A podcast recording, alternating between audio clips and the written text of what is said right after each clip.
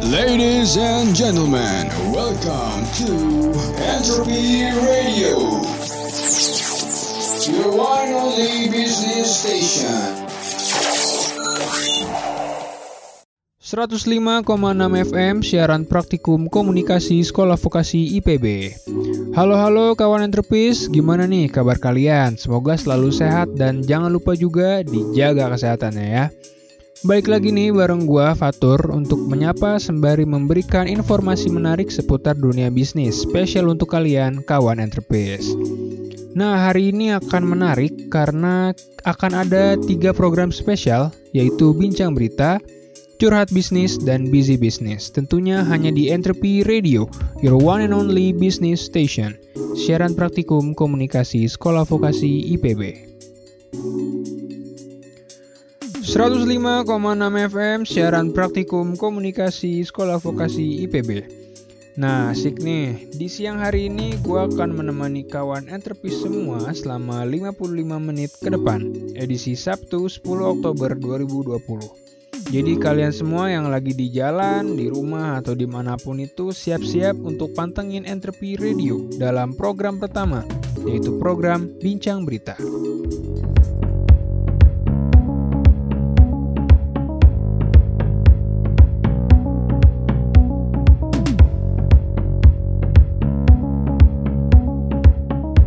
105,6 FM siaran praktikum komunikasi Sekolah Vokasi IPB.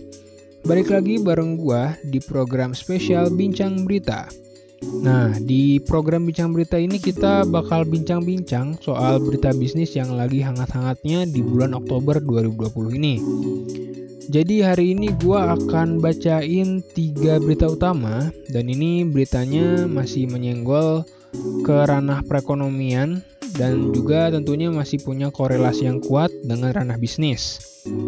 Oke langsung aja nih berita pertama adalah soal nilai tukar rupiah yang naik ke posisi 14.600an pada pertengahan Oktober 2020. Dilansir dari Bloomberg, nilai tukar rupiah di pasar spot ini dibuka di posisi 14.685 rupiah Angka segitu tuh udah dinilai terapresiasi 0,02% atau 32 poin. Nah, sementara itu nih kawan terpis, US dollar justru menguat juga nih. Walaupun menguatnya itu tipis di angka 0,02% ke level 93 dolar. Sedangkan beberapa hari sebelum angka rupiah dan dolar tadi keluar, rupiah itu sempat ada di level 14.700-an dan menguat sekitar 0,05%. Dengan indeks dolar Amerika Serikat pun naik tipis sekitar 0,07%. Wah, cuma beda beberapa hari aja turunnya tipis nih ya, tipis-tipis gitu. Nah, dilansir dari bisnis.com, Direktur PT TVRX Garuda berjangka yaitu Bapak Ibrahim As-Saudi mengharapkan Kongres Amerika Serikat itu untuk segera meloloskan rancangan undang-undang stimulus menjelang pemilihan Presiden Amerika Serikat pada 3 November mendatang. Beliau juga memprediksi kalau mata uang rupiah bakal bisa menguat lagi sekitar 5 sampai 20 poin. Wah, lumayan tinggi nih ya poinnya ya. Pokoknya uh, soal urusan nilai tukar rupiah di pasar global ini masih naik turun nih teman-teman enterprise. Tapi hal ini juga tentunya sangat berpengaruh uh, khususnya untuk para pebisnis lokal yang menjalin hubungan erat dengan pebisnis luar juga. Oke, jadi itu soal nilai tukar rupiah di pasar global. Nah, kita pindah ke berita kedua yaitu tentang rancangan undang-undang cipta kerja yang dinilai bisa menekan angka pengangguran dan kemiskinan. Wah, ini statement yang bisa dibilang cukup kontroversial nih ya, kawan interface. Mengingat pengesahan rancangan undang-undang ini e, mengakibatkan kekacauan di masyarakat. Kayak kemarin kan ada demonstrasi dan huru-hara yang terjadi di beberapa kota di Indonesia.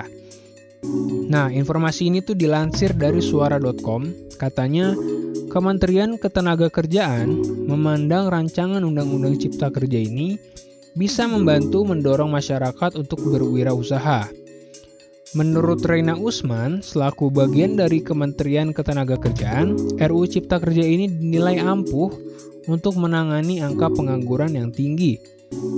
Beliau juga optimis kalau masyarakat banyak yang mau memulai usahanya sendiri, baik itu mikro kecil, menengah, ataupun makro.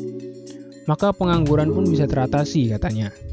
Nah, hal tersebut disampaikan karena perkiraan dari Kementerian Ketenagakerjaan yang memperkirakan bahwa Indonesia itu sebenarnya lagi terancam banget nih untuk mengalami bencana non-alam berupa peningkatan angka pengangguran dan kemiskinan yang meningkat sangat pesat di masa pandemi COVID-19 ini. Nah, makanya menurut mereka, untuk mengatasi hal tersebut dibutuhkan solusi cepat dengan mengesahkan rancangan Undang-Undang Cipta Kerja yang nantinya akan membuka banyak peluang lapangan kerja baru bagi para masyarakat yang terdampak akibat COVID-19. Tentunya dengan dukungan penuh dari pemerintah dan pihak perusahaan industri. Nah, uh, si upaya ini tuh bisa terrealisasi sebagai solusi baru nih sebenarnya enterprise. Sebelumnya juga Kementerian Ketenagakerjaan sebenarnya udah beberapa kali mengadakan pelatihan untuk pembekalan pekerjaan. Seperti salah satu yang paling baru ini uh, mereka mengadakan pelatihan barista yang diharapkan bisa menghasilkan barista-barista nasional terbaik. Nah, jadi mungkin itu soal rancangan undang-undang cipta kerja yang dinilai bisa menjadi solusi pemecah masalah angka pengangguran dan angka kemiskinan. Mengingat isi undang-undangnya itu dinilai bisa memudahkan para masyarakat yang ingin membuka usaha baru. Oke, sejauh ini memang terdengar uh, masuk akal ya. Oke bagi kawan netropis nih yang mungkin sekiranya lagi menganggur karena kena dampak PHK atau apa pun, jangan bersedia karena sepertinya pemerintah ini memang masih berupaya keras untuk mengatasi permasalahan ekonomi paling dasar ya ini pengangguran dan kemiskinan di Indonesia. Ya udah kita berdoa aja yang terbaik nih ya soal uh, perekonomian negara ini. Oke lanjut lagi ke berita terakhir atau berita ketiga yaitu soal bursa saham global yaitu indeks harga saham gabungan atau IHSG yang relinya itu berakhir di 8 sesi perdagangan yang berlangsung Kamis 5 Oktober. Dilansir dari bisnis.com, IHSG ini mangkir di zona merah. Zona merah perdagangan dengan koreksi 1,37% saja. Sebelumnya, IHSG juga sempat tancap gas performanya di sesi penguatan perdagangan saat 5 Oktober setelah pengesahan Omnibus Law. Wah, ternyata pengesahan Omnibus Law dengan uh, koreksi dagang ini punya korelasi juga ternyata ya. Berdasarkan datanya, investor asing banyak memborong saham-saham dalam negeri. Dengan catatan net buy menyentuh angka 23 miliar rupiah di seluruh papan perdagangan, angka yang sangat tinggi ya. PT Bank Rakyat Indonesia ini justru menjadi incaran utama investor asing sampai bisa menempati list teratas net foreign buy dengan nilai 129 miliar rupiah. Wah, cukup panas nih ya rally penguatan perdagangan ini. Uh, ya semangat lah ya untuk PT Bursa Efek Indonesia yang mengelola IHSG ini. Oke kawan enterprise, jadi itu tadi merupakan tiga berita pilihan yang lagi hangat-hangatnya pada bulan Oktober 2020 ini. Di program Bincang Berita ini kita hanya membacakan tiga berita pilihan aja ya teman-teman. Nah sebelum kita memasuki program curhat bisnis nih program selanjutnya kita dengerin dulu lagu Something in the Way-nya Nirvana yang di cover oleh Jota John. Check it out.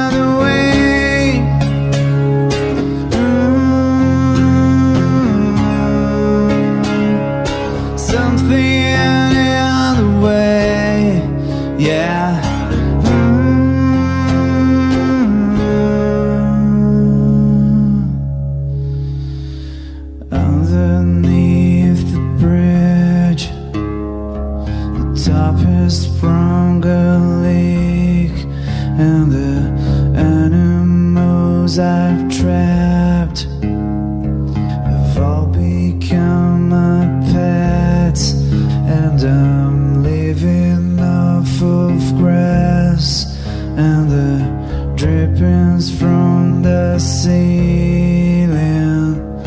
It's okay.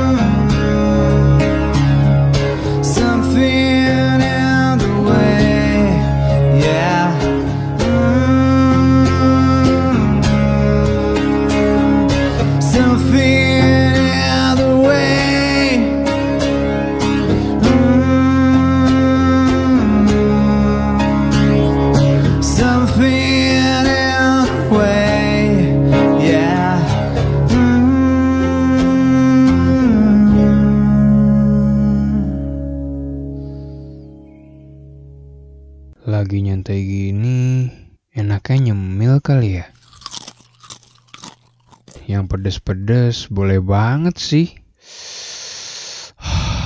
Wah, apalagi cemilan yang enak dimakan bareng nasi, mie instan, atau bakso. Oh iya, keripik bacil solusinya. Kriuk dan pedesnya, waduh, bikin chill dah.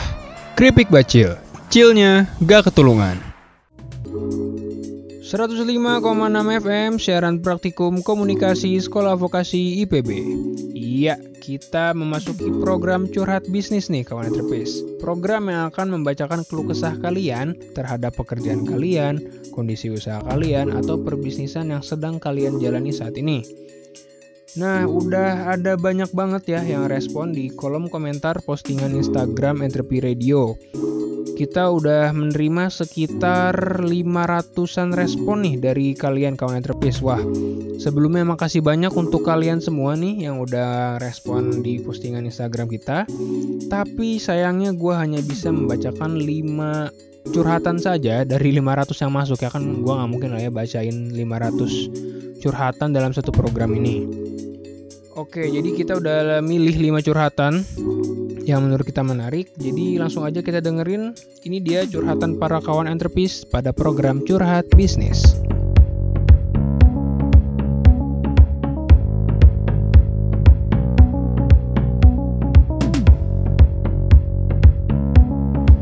Oke nih, keluh kesah curhatan pertama dari kawan entrepreneurs ada dari Rafloy dari Kota Bogor. Oke nih Mas Rafloy ya. Dia curhat nih katanya bisnis clothingan gue baru buka 2 bulan Tapi mentok nih strategi marketingnya. Padahal gagasan buat setiap t-shirtnya itu ngalirnya deres banget. Baru volume pertama aja udah cukup laku banyak Tapi yang beli masih dalam circle keluarga dan teman. Ya gimana ya, abis masih bingung aja sih Belum nemu strategi marketing yang tepat biar brand gue bisa dibeli dan dikenal se-Indonesia Oke, Mas Rafloy ya, ini menarik nih ya permasalahannya. Permasalahan yang lagi dihadapi Mas Rafloy ini sebenarnya eh, permasalahan utama yang biasanya dihadapi oleh wirausahawan baru. Jadi mereka tuh biasanya eh, tahu nih mau jual apa, konsepnya seperti apa, tapi mereka nggak tahu cara jualnya bagaimana tapi sebenarnya udah bagus tuh ya katanya dia punya gagasannya tuh banyak untuk setiap t-shirt yang uh, bakal dia buat. Oke mungkin uh, gue mau ngasih saran dikit nih untuk Mas Rafloy dari Bogor tadi dengan usaha clothingannya. Mungkin bisa konsultasi ke agensi marketing atau banyak lah ya uh, di YouTube soal tutorial marketing segala macem atau mungkin bisa juga diperluas aja nih platform penjualannya. Di setiap platform e-commerce yang tersedia eh, dijajakan aja tuh ya si produk bajunya. Atau mungkin juga bisa jual di forum jual beli yang ada di sosial media. Ya siapa tahu bisa membantu produknya Mas Raflo ini untuk menjangkau pembeli yang lebih luas lagi se Indonesia. Amin amin. Gue doain deh Mas Raflo ya. Oke, pokoknya semangat terus untuk usaha clothingannya Mas Rafloy dari Bogor. Oke, kita pindah lagi yang kedua itu dari Mbak Nurul Sadikin. Mbak Nurul Sadikin dari Wonogiri. Katanya dagangan mie ayamku kok malah lebih laku pas pandemi ya ketimbang sebelum pandemi. Wah, bagus dong, Mbak. Pelanggan banyak yang beli lewat layanan antar jemput makanan kayak GrabFood atau GoFood.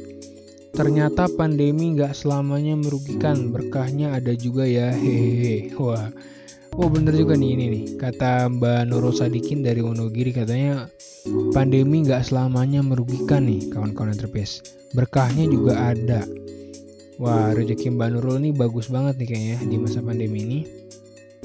Jadi mungkin gue bisa setuju sih soal statement Mbak Nurul Sadikin yang katanya berkahnya tuh ada juga nih kala pandemi ini yang mungkin untuk kawan-kawan entrepreneurs yang uh, mungkin sekiranya lagi terpuruk nih ya uh, bisnisnya atau perekonomiannya tenang aja mungkin berkahnya belum datang nih. Tapi nunggu dijemput nih mungkin ya kawan entrepreneurs jadi sabar aja. Dan katanya uh, kehadiran layanan antar jemput ini antar jemput makanan ini juga ternyata bisa membantu para wirausahawan makanan ya dan juga uh, driver juga kebantu sih karena mereka kan saling uh, mendapatkan penghasilan gitu dari situ. Nah, kawan entrepreneur untuk kalian mungkin yang kayak Mbak Nurul ya buka usaha makanan dan misal pendapatan kalian ini menurun karena mungkin uh, dagangan kalian ini atau kios kalian belum didaftarin ke layanan antar jemput makanan kayak GoFood atau GrabFood. Nah bisa dicoba nih ya, siapa tahu rezeki kalian bisa beda-beda tipis nih sama Mbak Nurul Sadikin dari Wonogiri tadi. Oke semoga semua wirausahawan makanan sesubur usahanya Mbak Nurul Sadikin dari Wonogiri nih ya, amin amin. Oke selanjutnya yang ketiga ini ada dari Mas Gilang Marianto dari Depok. Katanya dia curhat gini. Dagangan puding kakak gue alhamdulillah lumayan laku. Cuma sayangnya teman-teman gue yang di luar kota Depok mau beli jadi bingung nih. Takut pudingnya keburu basi kalau dikirim. Padahal banyak banget yang minat beli teman-teman kampus yang beda kota bahkan beda provinsi. Hehe. Sekalian promosi deh ya. Yuk cek Instagram at Gita Food Court. Oke, boleh boleh boleh. Boleh nih ya kawan-kawan entrepreneurs yang nanti ke depannya di program curhat bisnis misalkan setelah curhat mau promosi dagangannya misalkan punya akun Instagram atau akun e-commerce lainnya bisa di sekalian promosi aja nih kayak Mas Gilang Marianto dari Depok.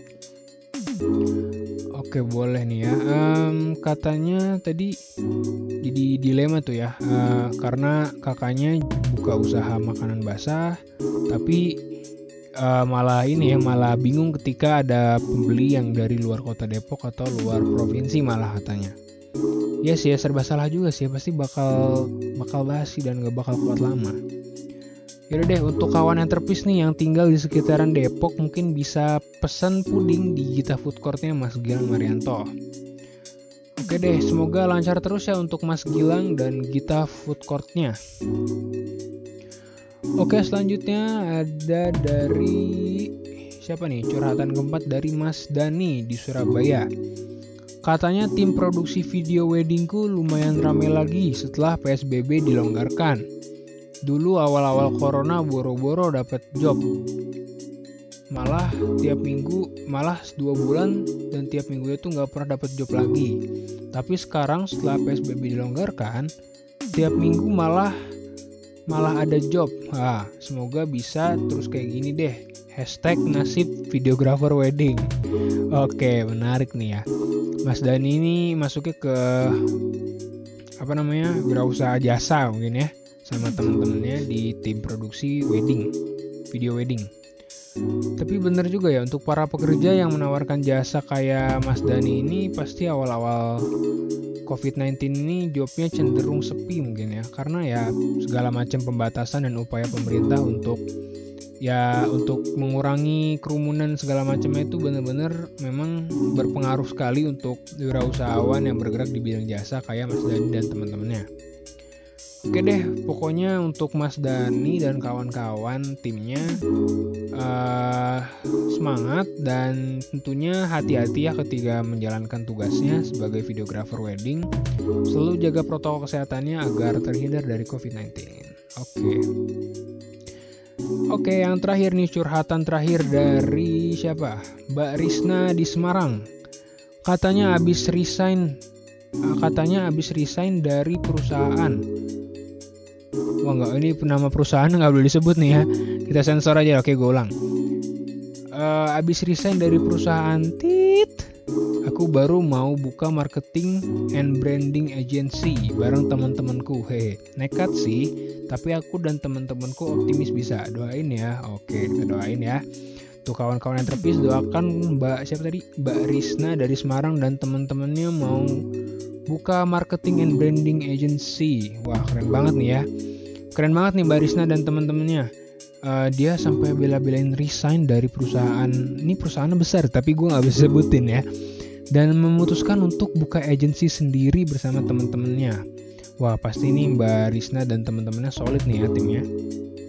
Tapi itu keputusan yang benar-benar sangat berani sih ya menurut gue ya pokoknya semoga sukses deh untuk Mbak Risna dan rekan-rekannya Iya itu dia tadi 5 curhatan kawan yang terpis perihal pekerjaan dan bisnis yang mereka jalani sekarang. Uh, untuk kawan yang terpis yang mungkin curhatannya belum bisa dibacakan pada kesempatan program hari ini, jangan berkecil hati ya tentunya. Karena program curhat bisnis ini nggak bakal berhenti hari ini doang, pasti masih akan ada lagi. Jadi terus aja respon, terus aja respon, terus aja curhat ya. Yang menarik akan dipilih. Ya pokoknya semoga semua kawan yang terpis di mana pun kalian berada, apa pun pekerjaan kalian atau bisnis kalian, semoga selalu sukses dan lancar, khususnya di masa pandemi seperti ini. Oke, sebelum kita pindah ke program Busy Business, kita dengerin dulu lagu Stand By Me dari band E King yang di cover oleh Lake Powell. Check this out.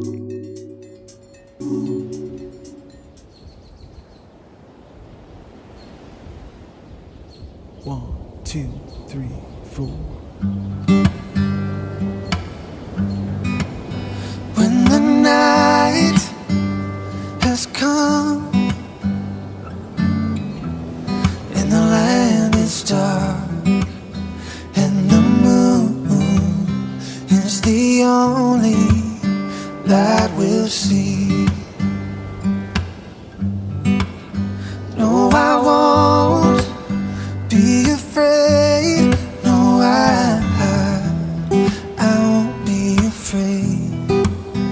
Just as long as you stand, stand by me. So, darling,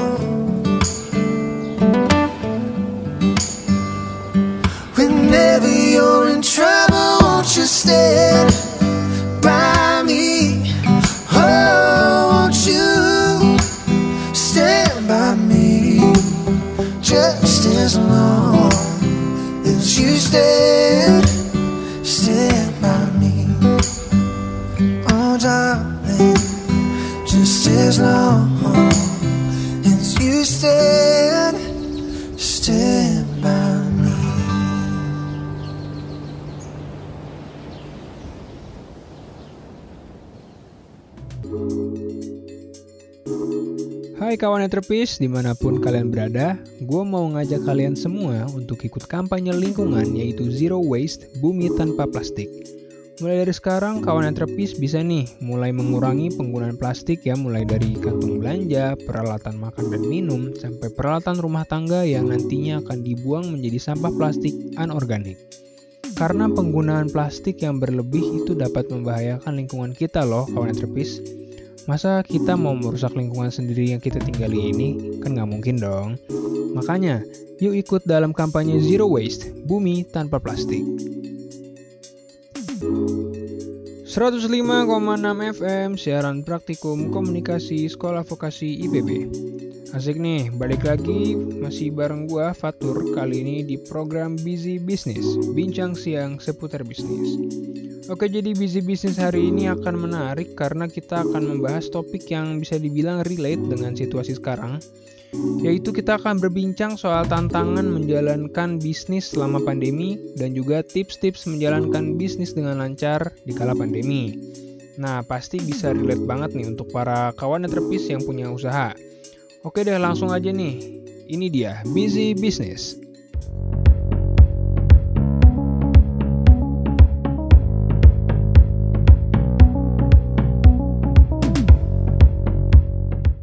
Ya, tantangan selama menjalani bisnis di saat pandemi. Nah, ini bakal jadi topik yang menarik ya kawan terpis. Jadi seperti yang kita ketahui bersama nih, pandemi COVID-19 ini sangat merugikan banyak sektor. Nah, khususnya sektor perekonomian, apalagi buat para kawan terpis yang punya usaha bisnis mikro kecil, menengah, sampai yang makro yang besar, pasti sama rata nih kena dampaknya juga. Nah, gue harap bisnis kalian bisa berjalan dengan lancar aja ya sampai sekarang. Nah, misal dari kalian nih, uh, kawan entrepis ada yang mengalami halangan dalam menjalani bisnis di tengah pandemi ini, topik ini cocok banget untuk disimak. Oke, jadi tantangan yang pertama itu adalah sulit melakukan ekspansi.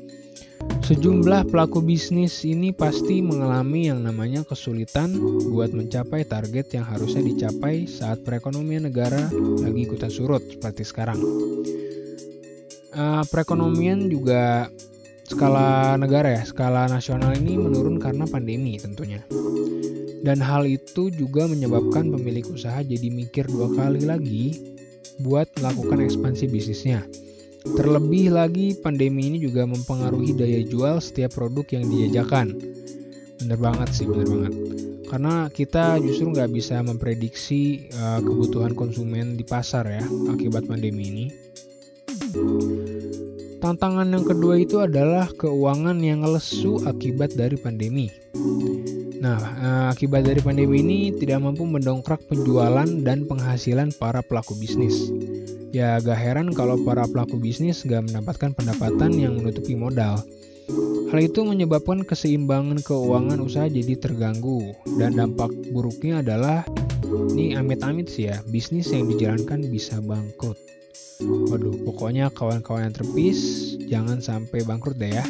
Oke harus harus paham nih tantangan yang dihadapi saat melakukan dan menjalankan bisnis kala pandemi.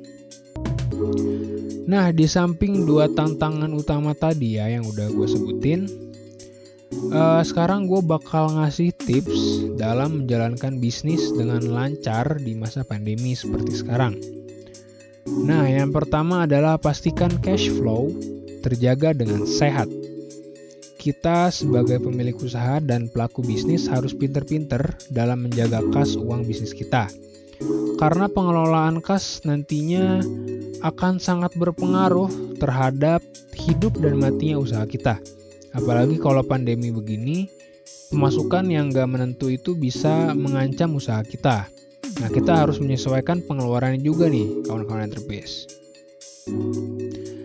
Nah, tips selanjutnya adalah merencanakan ulang pendapatan dan pangkas anggaran biaya.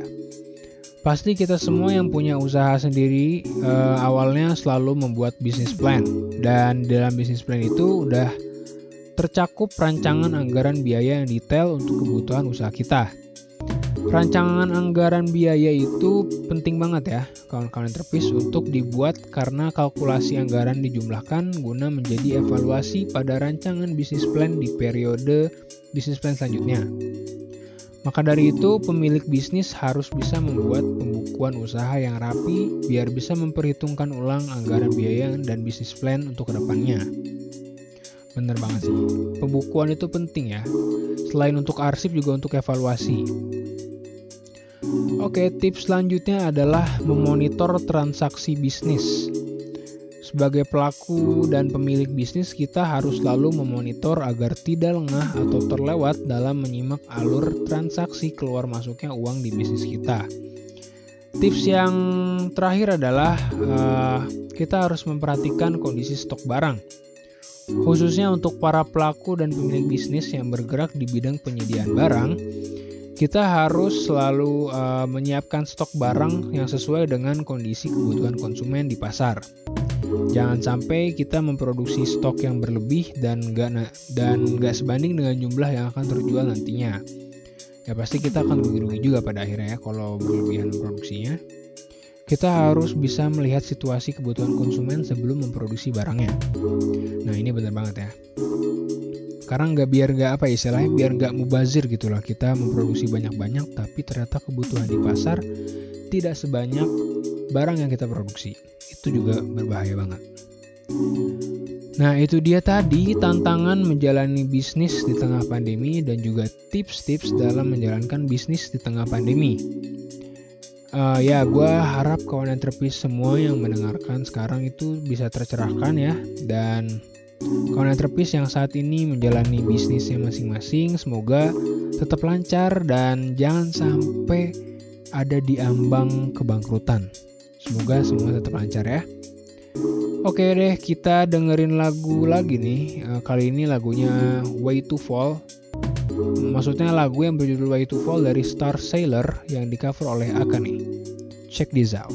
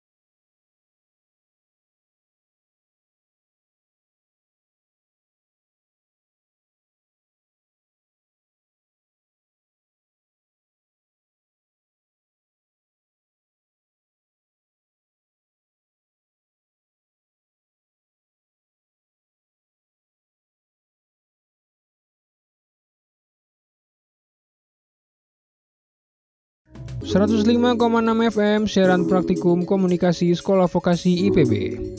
Yo, halo kawan entrepis. Jadi itu dia tadi tiga program kita untuk hari ini, yaitu bincang berita, curhat bisnis, dan busy bisnis. Semoga ketiga program ini bisa menghibur kalian dan juga mencerahkan kalian nih kawan entrepis.